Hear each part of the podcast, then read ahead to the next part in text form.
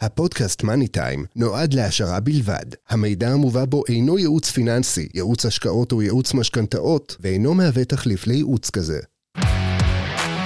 מאני טיים, הפודקאסט הפיננסי של צחי גרוסמן. שלום לכולם, צחי גרוסמן, יועץ משכנתאות ומומחה לבנק. היום החלטתי לדבר על מה שקרה השבוע. אינני רוצה לדבר על הצעד הפוליטי, אלא רק על ההשלכות הכלכליות שאנחנו צפויים לחוות כנראה בתקופה הקרובה. וחשוב שכל אחד ואחד מכם יבין מה קרה.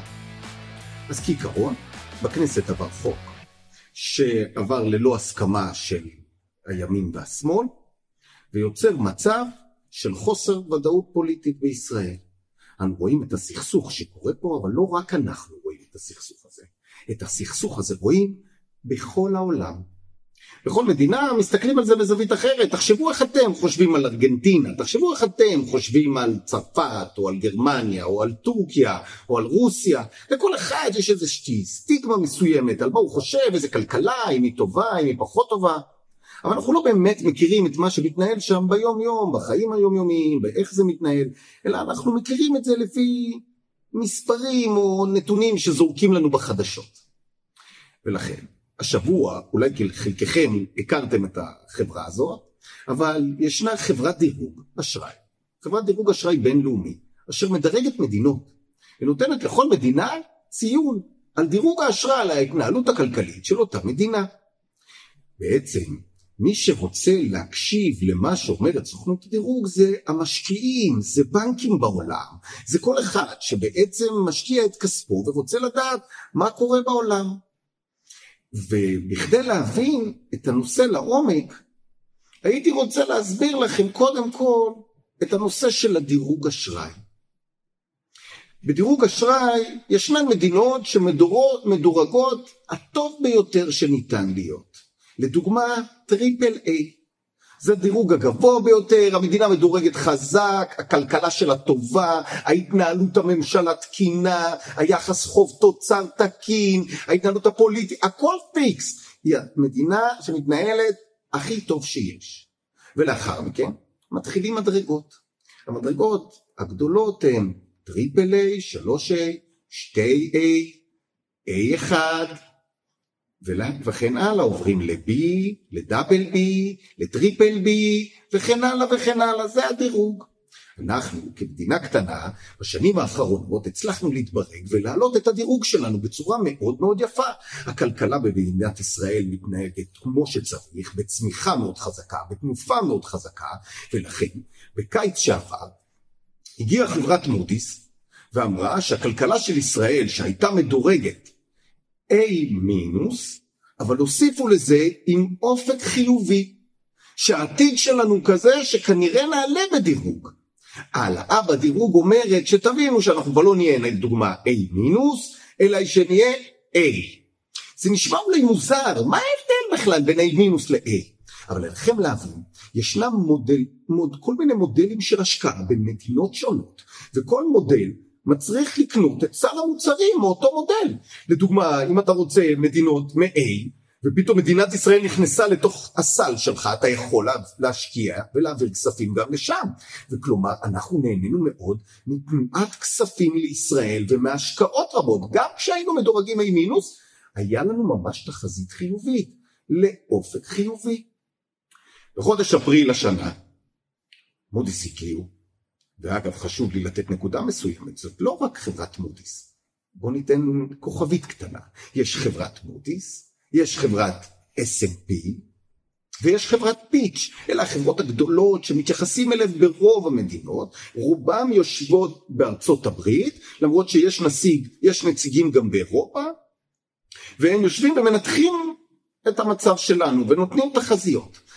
החברות האלה התפקיד שלהם בעיקר להסתכל על הנתונים הכלכליים. ועכשיו אני חושב שאני הולך להפתיע את כל אחד מהמאזינים. אני רוצה לידע אתכם שבשלושה חודשים האחרונים ממשלת ישראל מתנהלת כלכלית בצורה נכונה בצורה טובה ואין הגדלת גירעון וההפך יש צמצום. הוצאות הממשלה אינן גדלות זה אולי מפתיע אתכם, אבל יש 20-30 מיליארד שקלים שלא בוזבזו. ונותרו ולכן זה מצמצם את הגירעון, כלומר נתונים אמפיריים כלכליים שהחברות הדירוג מסתכלות, הן יכולות לראות שהנתונים מלפני שלושה חודשים שהם באו והזהירו אותנו שבקרוב הם יכולים לשנות את הכיוון והחליפו לנו ליציב ולא לחיובי את האופק שלנו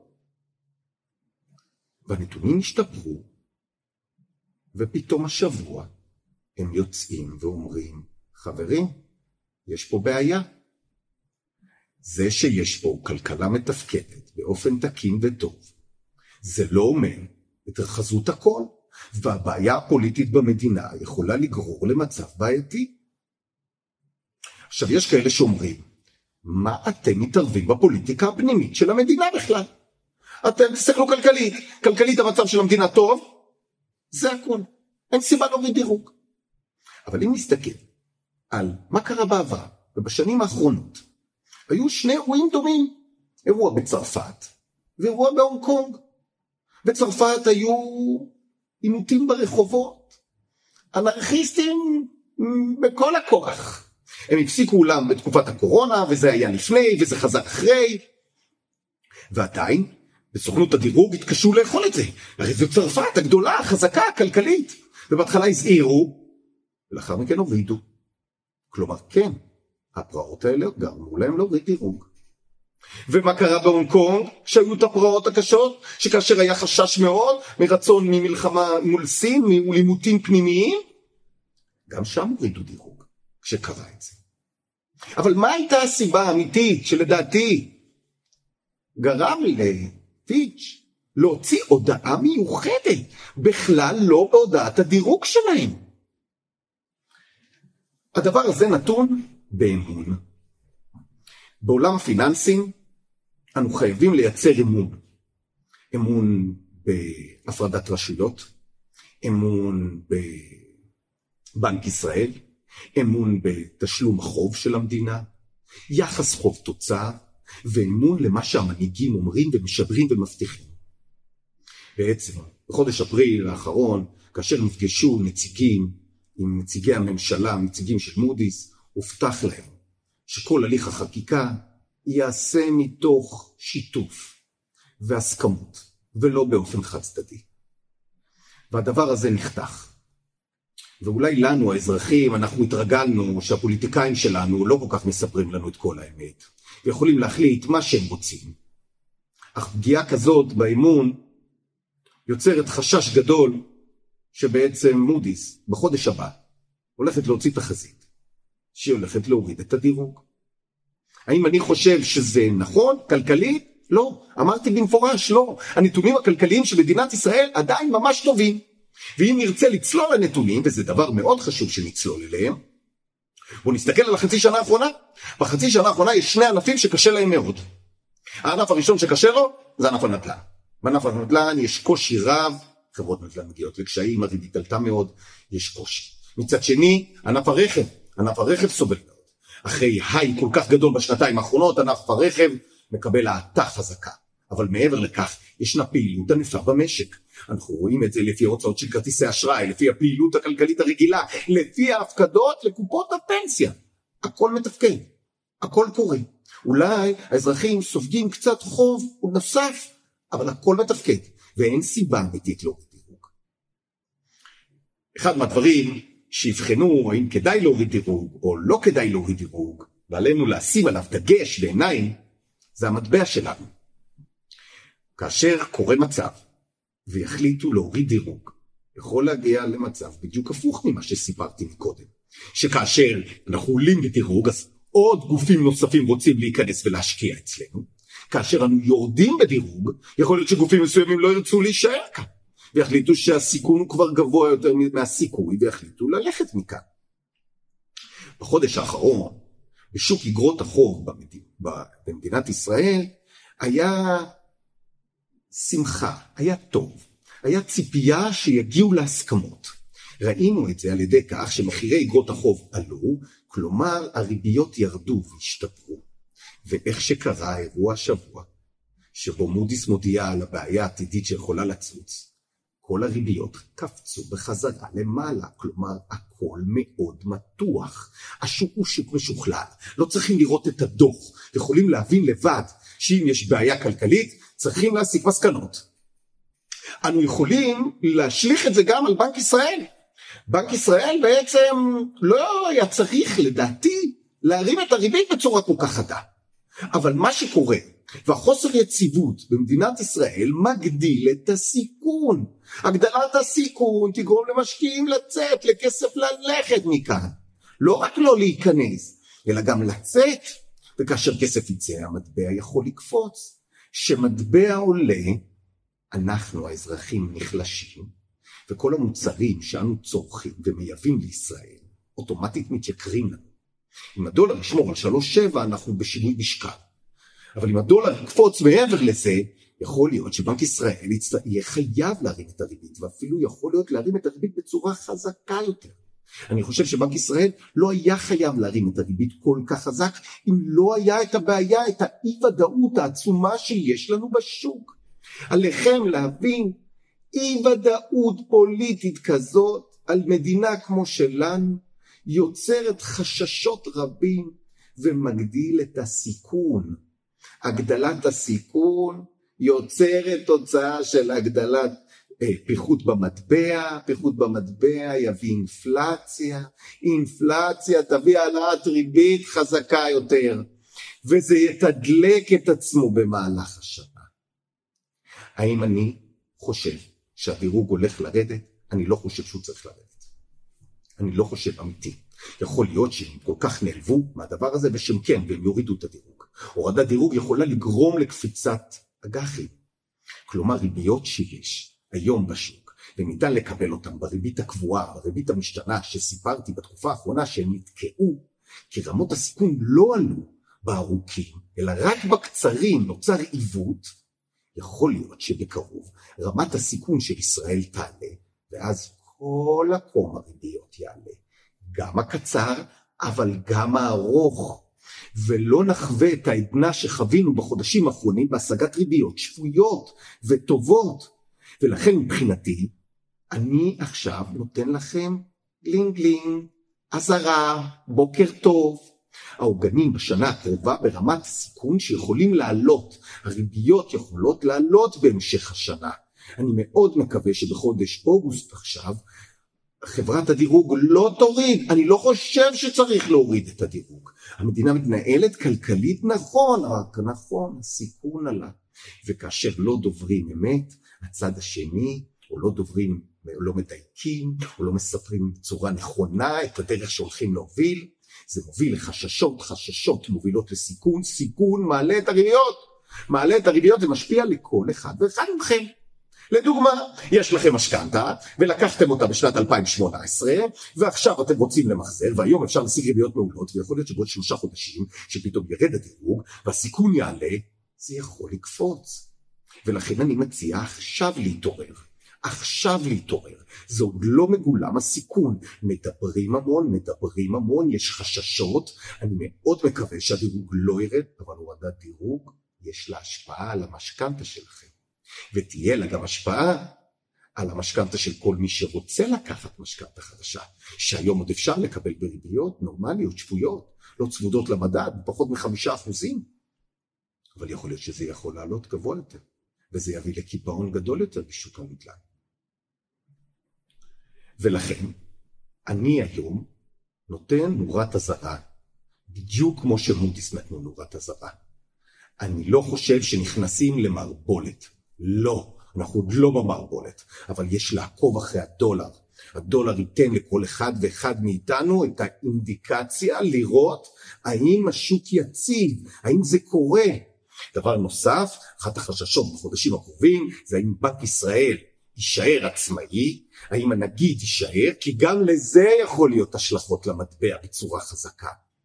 ותזכרו, מטבע קופץ בצורה חזקה, כולנו נהיים עניים יותר. מהצד השני, מה אנחנו יכולים לעשות עם כסף שיש לנו?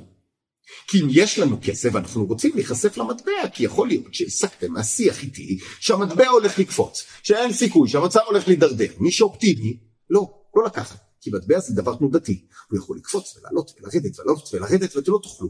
אבל מי שחושב שבתור אסטרטגיה בשנה הקרובה המצב הולך להידרדר ורוצה לקבל הגנה מסוימת או להרוויח מכך, יש קרן כספית שהיא צמודה לדולר. לא צריך לקנות דולרים באמת, אבל היא נצמדת לדולר. ובכך אתם גם יכולים להרוויח. זה לא מוצר כמו כספית שקלית, מוצר בטוח ופיקדון ושקט, לא, הוא לא מוצר כזה. אבל מי שרוצה לעשות הגנות על תיק שלו, כי בסופו של דבר, כל המוצרים של כל אחד ואחד מאיתנו הם שקליים. הבתים שלנו שקליים, ההכנסות שלנו שקליים, ויכול להיות שלמישהו מכם יש חוב במטבע. אני מבקש, לכל מי שיש חוב במטבע, לבדוק את זה, זאת העת. להחליף למסלולים אלטרנטיביים אחרים ולא להישאר במטבע. חוב במטבע יכול להתעדכן בחודשים הקרובים וגם החוב יגדל כי אנחנו צפויים לראות העלאת ריבית גם בארצות הברית ואנחנו צפויים לראות גם העלאת ריבית באירופה. כלומר אנחנו לא מנותקים מהעולם. אנחנו בסופו של דבר נמצאים בתוך מסגרת. אנחנו יכולים לראות שבאירופה הרימו כשלושה וחצי אחוזי ריבית ובארצות הברית כחמישה אחוזי ריבית. אנחנו יותר קרובים למצב בארצות הברית שהרמנו חזק מאוד אבל באירופה מגיבים בצורה איטית יותר, כי לכל מדינה יש אינפלציה אחרת, ולשם להם קשה יותר, ויש להם את הבעיות. כלומר, כל העולם נכנס לתקופה של היחלשות, ותמיד אנו נמדדים מול האלטרנטיבות. דבר נוסף שאנו רואים מהדוחות בשנה האחרונה, דבר נוסף שאנחנו רואים מהדוחות מתחילת השנה, זה שענף ההייטק בישראל מאוד נחלש. וכל העולם הוא נחלש, אבל בישראל הוא נחלש בצורה חזקה יותר. ואני רוצה לשים זרקור על נקודה שהיא קריטית. הזרקור הוא נושא ה-AI. במדינת ישראל נושא ה-AI הוא לא השורה הראשונה של ההייטק עדיין. אנחנו הרבה יותר חזקים בסייבר ובענפים נוספים, אבל ב-AI לא. ובחודשים האחרונים בעולם נוטה כסף לכיוון השקעות של AI. זה גל מסוים שמגיע ועלינו להיערך. והממשלה צריכה לקחת את זה כחלק מהתפקידים ולנסות לקדם הבאת כספים לכאן בנושא ה-AI אבל כל עוד יש בעיה פוליטית אף אחד לא מתפנה לעשות את זה. אף אחד לא מתפנה אפילו לקיים את התקציב של המדינה. נשאר אקסטרה תקציב. למה? כי כולם מתעסקים בבעיה המשפטית ולא מטפלים בנו האזרחים. וזה ממש חבל כי התוצאה יכולה להיות הרבה יותר טובה לטובתנו. אפשר לנהל את זה בצורה חיובית אנחנו מבינים שכאשר אנשים עושים צעדים חד צדדיים, דברים יכולים ללכת לקיצון. אני מאוד מקווה שהגורמים ידעו לתפוס את הדברים בידיים וכן לתת אמינות חוזרת וכן לקרות גם לסוכנויות הדירוג השונות ולתת אמון ולהראות את המספרים אמפירית, להראות נתונים אמיתיים, מה קורה בכלכלה ושלא ירסקו אותנו.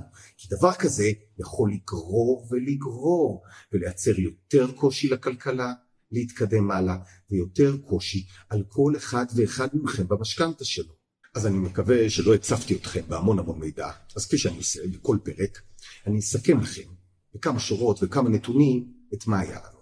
אז חברים, מה היה לנו כאן? תוציאו עט ונתחיל לרשום. הדבר הראשון שהיה לנו זה השבוע קיבלנו מין אות מהעולם, מאיזה סוכנות דירוג, שמשהו פה לא מתנהל טוב. אז כל אזרח בישראל יודע מה קורה פה, כל אזרח מאיתנו מרגיש את זה בבית שלו, בין אם הוא בצד הזה או בצד הזה הפוליטי, זה בכלל לא מעניין, אבל אנחנו כמדינה בטלטלה, וגם בעולם רואים את הטלטלה הזאת. אבל בעולם יש חברות דירוג שמדרגות כל מדינה עם איזשהו דירוג, הדירוג מתנהל לפי אותיות באנגלית, triple A הכי חזק, double A, A, A, B, double B, triple B, ובאמצע יש גם תוספות, מינוס, פלוס, ועם אופק, אופק חיובי, אופק יציב, אופק שלילי.